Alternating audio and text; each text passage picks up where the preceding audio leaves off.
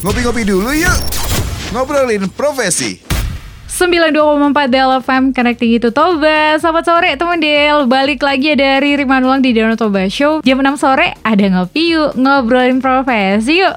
Nah jadi kali ini kita mau ngobrol sama Bang Angga Siswanto teman Del Seorang event and wedding planner. Jadi kalau kamu nih tertarik ya di bidang uh, event planner Atau juga wedding planner atau juga WO kayak gitu ya Nanti kita bakalan belajar gimana pengalaman seorang wedding planner teman Del sama Bang Angga. Jadi karena udah tersambung nih via interaktif Jadi yuk langsung aja kita ngobrol bareng Bang Angga. Halo, selamat sore Bang Angga. Sore Riri. Gimana kabarnya hari ini Bang? Baik, baik puji Tuhan. Gimana Riri kabarnya? Di sini juga baik Bang, puji Tuhan. Dan cuaca cerah. Di sana juga cerah ya? Oh, cerah sekali. Wah, iya ya. Kalau misalnya kayak di Bali gitu cuacanya cerah itu kayaknya cocok buat para bule-bule berjemur ya, tanning ya. Iya, semoga ya, semoga boleh-boleh pada datang lagi. Oh iya ya, masih susah juga ya karena pandemi. Iya. Kalau di Bali suasana uh, atau keadaan pandemi gimana sih bang? Ya karena untuk international flightnya masih ditutup, mm-hmm. jadi agak sedikit slow aja. Domestik oh. aja yang sekarang banyak, tapi uh, seasonal, kayak oh, lagi okay. buruk libur panjang baru. Oh, atau weekend gitu ya? Iya. Gitu. Oke deh kalau gitu. Bang Angga kita mau ngobrol-ngobrol nih tentang profesi Abang sebagai event dan wedding planner Bang. Kita mau tahu nih karena memang di daerah kita ini di Kabupaten Toba masih agak jarang gitu Bang kedengaran nih event hmm. dan wedding planner. Jadi sebenarnya apa sih tugas dari event and wedding planner ini Bang? Uh, lebih gampang sih mempermudah calon pengantin untuk mengarrange mm-hmm. uh, wedding, wedding impian mereka, pernikahan impian mereka. Jadi mereka itu tidak perlu pusing di hari H karena sudah ada uh, yang planningnya ini, sudah ada planning dan organizingnya ini. Seperti itu sih lebih gampangnya. Oke, okay, kalau biasanya nih, uh, kalau dalam uh, persiapan pernikahan misalnya bang atau weddingnya, yep untuk seorang uh, event and wedding planner itu apa aja sih yang harus disiapkan oleh mereka gitu dari si ya, plannernya sendiri? Oke, okay, biasanya sih gini, uh, kita harus menyesuaikan sama mimpi dari pengantinnya sendiri. Oke. Okay. Misalnya dia pengen uh, apa? Oh saya mau wedding ala princess, uh -uh. gitu kan? Uh -uh. Nah berarti berarti kita wedding plannernya itu juga harus ada stok dalam arti stok oh venue-nya tuh bagusnya di mana. Oh, oke. Okay. Kemudian dekorasinya seperti apa, uh-huh. makanannya seperti apa, nanti acaranya runningnya dari awal sampai akhirnya seperti apa. Nah, itu sih itu hmm. biasanya wedding plannernya seperti itu. Oke, okay, berarti memang lebih ke pernikahan yang uh, umum gitu ya, Bang, yang nggak pakai adat atau pernah nggak Bang ngurusin yang ada pakai adatnya gitu? Kan secara Indonesia banyak adatnya gitu bang. Iya betul. Kebanyakan sih karena pernikahan di Bali kan uh -huh. cenderung adatnya lebih lebih banyak ya. Maksudnya uh -huh. bukan hanya Bali aja. Dan kita kebanyakan dapat adatnya adat uh, tradisi Tionghoa. Oh, oke. Okay. Iya, jadi kita juga uh, itu termasuk kayak misalnya contoh uh, mau sanjit atau seserahan lah itu, itu mm -hmm. kita juga bisa bisa planningin dari awalnya dia okay. maunya seperti apa, kemudian uh, apa ya termasuk uh, tepai atau teh seremoni itu kan biasanya udah umum tuh di pernikahan-pernikahan uh, tradisi Tionghoa, nah itu uh -huh. kita juga harus tahu bagaimana tradisinya, masing-masing oh. keluarga tradisinya beda-beda gitu. Oh, tapi dominan memang yang biasanya kalau berhubungan sama adat yang diplankan itu uh, adat Tionghoa gitu ya, Bang ya? Iya, betul. Oh. Karena kalau misalnya adat yang plan Tionghoa kan mereka lebih ke di hometown mereka ya. Mm -hmm. uh, uh, jadi kayak misalnya contoh Jawa, mereka ada midodare, nilah apa, nana nana itu huh? biasanya mereka di di kampungnya mereka oh, atau di iya, iya, kotanya iya. mereka karena karena kan keluarga yang terlibat dan mereka itu ya mungkin agak berat memboyong keluarga besar ke Bali ya. iya betul betul. Bisa satu kampung nanti ya. Apalagi kalau adat Batak, Bang. Waduh, uh, berapa nah, bus juga kayak kurang. itu dah, itu dah. Terus ini Bang, ceritanya Bang Angga bisa sampai uh, bekerja sebagai event and wedding planner itu gimana ceritanya Bang? Uh, lebih ke ini sih ya, apa uh, kecemplung lah. Oh, kecemplung. kecemplung. Karena waktu itu ditawarin kerja di salah satu uh, company uh, perusahaan wedding, jadi uh -huh. wedding company di Bali. Uh -huh. Nah di situ belajar dah uh, oh wedding itu seperti apa apa aja gitu dari awal. Nah ternyata menemukan passionnya di situ ya sudah dikembangkan, dikembangkan ya sampai sekarang. Oke, udah berapa lama tuh bang? Uh, uh, kecemplungnya sih 2015. Oh 2015 ya, Iya. berarti kurang lebih 5 atau 6 tahun gitu ya bang? Betul. Berarti ini abang eh, ada timnya gitu lah ya bang? Tim pasti ada, ya ada ada timnya. Kalau Kal- misalnya untuk awal untuk planner sih biasanya saya sendiri sih saya sama sama uh, ada ada partner saya kita berdua untuk planner. Mm-mm. Tapi untuk uh, hari hanya itu uh, ya kita pasti ada tim tim untuk ngurus apa ngurus apa Oh. ngurus apa itu ada. Oke, terus Gitu. bang kalau misalnya ini kan untuk ngebentuk event atau juga wedding planner kayak gini, kira-kira skill-skill apa nih yang harus dibutuhkan? Skillnya sih pertama sih yang paling utama ada communication skill. Oke, Uh, uh, jadi uh, bagaimana kita berkomunikasi kepada calon pengantinnya dulu, Mm-mm. meyakinkan mereka kalau uh, mereka tuh memilih uh, planner yang tepat atau yang tepat itu satu. oke, Kedua, bagaimana kita melihat uh, apa time manajemennya gitu. Jadi, Mhm. oke, tuh mereka uh, weddingnya tinggal enam bulan lagi nih. Apa yang mereka harus lakukan? Apa yang mereka harus booking? Apa mereka yang harus ini? Nah, itu time management, skill Oke. time management. Heeh. Kemudian uh, skill berikutnya lebih ke into detail. Mm-mm. Jadi wedding planner itu kita harus tahu detailnya. Contoh kayak misalnya tradisi Tionghoa nih ya, Iya, misalnya uh, tepai. Gitu. Nah tepai kita harus tahu nih urutannya tepai itu apa, barang-barang tepainya itu apa. Mm-mm. Jadi uh, nggak nggak serta merta cuma teh aja misalnya. Nah Hmm. tehnya itu harus ada ada yang dimasukin angcio atau enggak kayak kayak gitu. Nah itu kita harus tahu. Oke, Uh, uh, dan fast learning. Jadi kita nggak Ah. bisa yang namanya belajar itu ya belajar pasti ada momennya. Tapi kita kalau sebagai wedding wedding planner dan wedding organizer itu kita harus cepat harus catch up apa yang terjadi, Mm-mm. apa yang akan terjadi dan apa yang bisa kita kembangkan dari hal itu itu. Oke kalau gitu.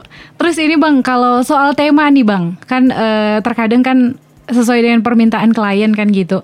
Tema-tema yang biasa diminta itu apa sih bang untuk eh, tema weddingnya kayak gitu? Ya mungkin ada siapa tahu ada yang lagi tren gitu. Oke, sebenarnya kalau misalnya di Bali itu lebih ke arah ini ya, apa namanya, eh, banyak kan kan outdoor. Mereka Uh-uh. memilihnya outdoor dengan view, eh, sunset kah, atau Mm-mm. pantai kah, seperti itu. Jadi temanya lebih banyak kan ke ini sih, eh, rustic, seperti itu. Kemudian juga yang ke apa namanya, lebih ke color theme, bukan tema dekorasinya bukan, tapi tema Uh-uh. warnanya Oh gitu. gitu jadi lebih oh aku mau ke arahnya tuh uh, uh, bluish gitu Hmm. bluish uh, ada sentuhan krimnya Oke. jadi kita harus kerjasama dengan dekorator kita milih bunganya yang seperti apa kemudian apa barang apa aja gitu Hmm. kalau misalnya temanya mau rustic tapi uh, gold gitu rustic gold gitu oh berarti apa nih yang mesti ditaruh di bridal table apa Mhm. yang uh, ambience yang membuat gold seperti itu sih Oke, berarti memang harus kreatif Uh-uh. ya bang ya. Itu juga salah satunya Skillnya harus kreatif gitu kan. Terus harus bisa ngebayangin sebelum dia ada harus bisa ngebayangin jadi apa Betul dengan warna-warna ini. Betul, betul. Oke betul, oke betul. kalau gitu. Terus ini Bang Angga ada dapat pelatihan gak sih? Maksudnya gimana ngasah skillnya gitu Bang supaya makin mantap? Eh, di Indonesia sendiri kita belum ada ya eh, apa sekolah khusus yang dalam arti kayak eh, sekolah yang memang untuk wedding organizer atau wedding planner atau wedding management Mhm. atau if- eh, eh, seperti itu. Nah eh, kalau saya sendiri sih saya tidak nggak nggak ngikutin kayak gitu karena S1 S1 saya itu manajemen marketing. Uh, uh, kemudian uh, untuk manajemen marketing ini tidak diajarkan bagaimana running sebuah wedding. Oh oke. Jadi kebanyakan belajar itu uh, dari ya ya terlibat waktu saya kerja di wedding company dan juga saya nge-freelance, Hmm. freelance ke WO-WO lain gitu belajar oh jadi WO itu seperti ini. Nah jadi WO itu nggak boleh kita uh, kemakan gengsi. Oke. Jadi meskipun kita uh, ed- edukasi tinggi apa gimana tapi belum punya pengalaman, ya udah jangan malu dijadikan runner. Runner itu dalam arti yang suka disuruh-suruh. Oke. Eh uh-uh. ambilin ini, eh ambilin itu kayak gitu sih. Hmm, oke Uh, uh. oke. Berarti memang harus eh, ini ya bang, fokusnya ke banyak pengalaman gitu ya. Betul, betul karena Hmm. karena di situ kita bisa lihat passion kita bener nggak di situ. Oke oke gitu. kalau Ka- gitu. Karena kalau misalnya baru baru dijadikan runner aja ngeluh ya berarti dia nggak nggak passion jadi jadi wedding planner. Kalau Iya menurut saya sih gitu. Oke oke kalau gitu. Eh, terus ini bang, abang kan udah sekitar lima atau jalan enam tahun nih jadi eh, Iya. WO gitu. Apa sih yang paling seru dan juga yang mungkin challenging buat abang gitu sebagai uh, tim WO?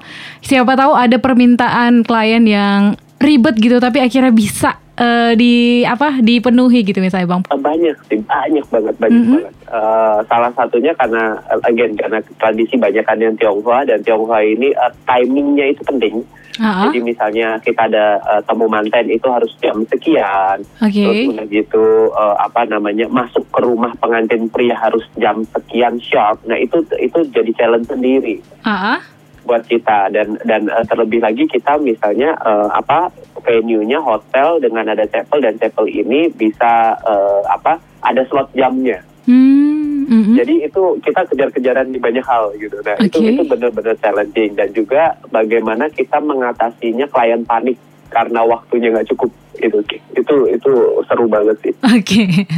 berarti Bang Angga suka kejar-kejaran dengan waktu atau suka ini ya berlari mau, dengan waktu ya? Mau nggak mau, jadi mau nggak mau. Gitu. Oke. Okay. Terus ini kan abang punya WO bang, bisa cerita sedikit tentang WO-nya gitu, A atau apa namanya boleh juga di share. Okay. Siapa tahu temen Del juga uh, pengen tahu gitu yang ada di Bali, boleh bang? Oh boleh boleh, temen Del mungkin kalau mau nikah di Bali boleh kontak saya. Iya. Jadi nama WO-nya, uh, eh, nama wedding wedding planner-nya itu tak organizing. Jadi uh, lebih ke basicnya itu kayak kayak orang lagi ngobrol gitu eh aku punya punya mau punya acara nih gitu oh ya udah mm -hmm. sini tak organizing aja oh, gitu. gitu. itu itu basicnya namanya makanya di, nah, jadi tak ya Iya, jadi tak organizing. uh, okay. Nah itu temen sih awalnya temen yang bilang, enggak lu kan udah udah expert lu lah ini wedding, dia bilang gitu. Kenapa nggak bikin sendiri? Mm -hmm. gitu kan. Terus saya bilang, aduh masih belum pede lah gitu, masih masih belum pede karena uh, satu dan lain hal dia bilang udah nggak apa-apa ayo uh, apa weddingan gua lu handle. Nah itu mm -hmm. pilot projectnya weddingan jadi oh, gitu okay. dan begitu hanya ya semuanya lancar dan dari situ udah mulai ada beberapa yang ini sih beberapa yang uh, inquiry inquiry masuk gitu. Mm -hmm. eh kepot pas banget corona. Oh akhirnya jadi, ya, jadi, jadi kecemplung sampai sekarang ya Betul, jadi agak sedikit terdelay karena corona. Oke. Okay. Gitu. Terus ini bang, uh, sebelum hmm. satu pertanyaan terakhir, kalau ya. untuk sebuah uh, eh, WO itu, ya. apakah harus selalu punya properti yang lengkap? Atau misalnya gimana tuh, tuh bang? Siapa tahu kan ada yang masih uh, merintis WO-nya kayak gitu. Siapa tahu uh, abang punya saran-saran untuk properti gimana gitu bang, supaya nggak terlalu uh, apa namanya menghabiskan baik biaya misalnya untuk pertama gitu para oh. perintis. Oke, okay. gini uh, untuk WO sendiri sebenarnya kita tidak banyak props. Props mm -hmm. itu biasanya uh, dekor. Oh oke. Okay.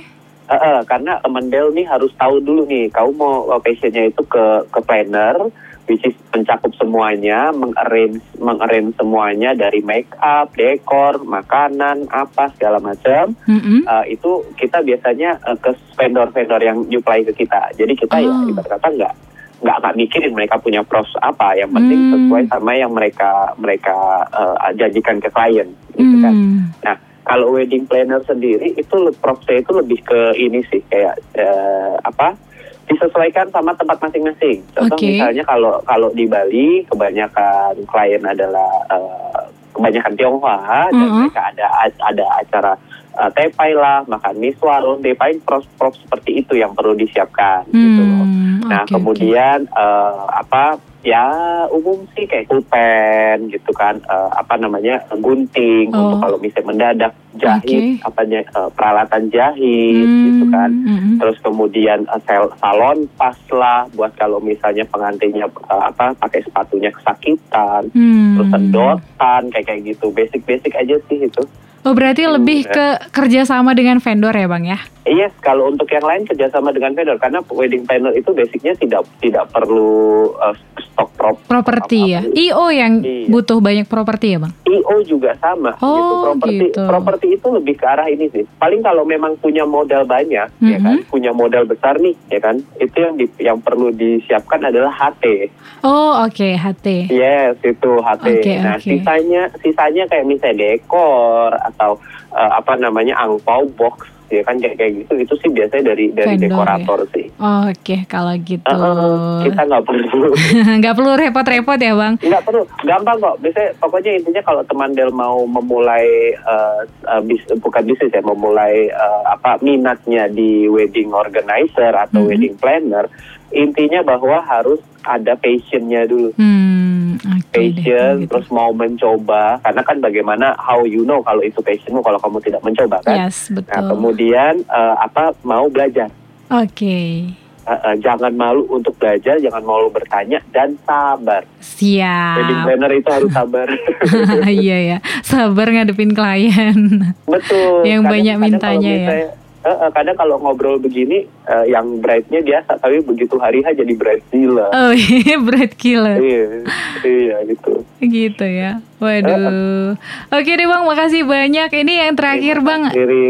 Kira kira-kira apa nih pesan abang untuk temen Del yang lagi eh, mencari-cari atau menemukan dream jobnya bang? Oh, oke. Pertama gini, eh belajar. Oke. Kecil, tapi memang memang harus belajar. Dalam arti gini, pelajari apa pun yang menjadi minatmu. Contoh Mm-mm. misalnya dulu, dulu tuh eh, saya nggak ngerti nih wedding itu apa aja, Uh-uh. ya kan? Tapi saya belajar, belajar dari semua. Sekarang kan zaman sekarang kan ada tuh penemuan yang namanya Google. Uh-uh. Nah, pakailah Google itu apa wedding itu seperti apa, apa yang belajar.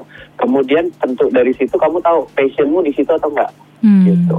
Dan juga eh, apa namanya, jangan malu untuk bertanya. Mm-mm. Terus udah gitu, ya again mencoba. Itu sih klise tapi memang itu yang ditemukan. Oke, makasih banyak kalau gitu Bang udah sharing Sama-sama, pengalamannya. Sama-sama. Mudah-mudahan pandemi cepat berakhir jadi bisa aktif lagi ya Bang ya. Amin. Terima kasih. Oke, sehat-sehat ya Bang. Thank you. Amin. Terima kasih. Yuk, bye. Yo, bye. Dan itu dia tadi ya obrolannya teman Del. Aduh, kayaknya aku juga tertarik nih ya kan. Kayaknya ada sedikit ketertarikan eh, kayak ngeplan-plan gitu. Waduh, kayaknya seru memang ya jadi WO ini. Pokoknya semangat terus buat kamu nih teman Del yang pengen atau juga tertarik menjadi seorang WO atau juga IO ya, agak-agak berhubungan sih. Jadi semangat terus kayak yang disampaikan Bang eh, Angga tadi pokoknya harus banyak pengalaman, ambil banyak pengalaman, jangan gengsi, terus mencoba dan belajar terus. Semangat untuk kamu apalagi yang punya dream jobnya masing-masing ya. Makasih buat yang udah denger dan nantikan ya narasumber kece lainnya di Ngopi Yuk di minggu depan. Jadi stay tune terus cuma di Dalfam. Ngobrolin profesi di Danau Toba Show bareng Riri Manulang Setiap Jumat jam 6 sore cuma di 92,4 Del FM Connecting you to Toba.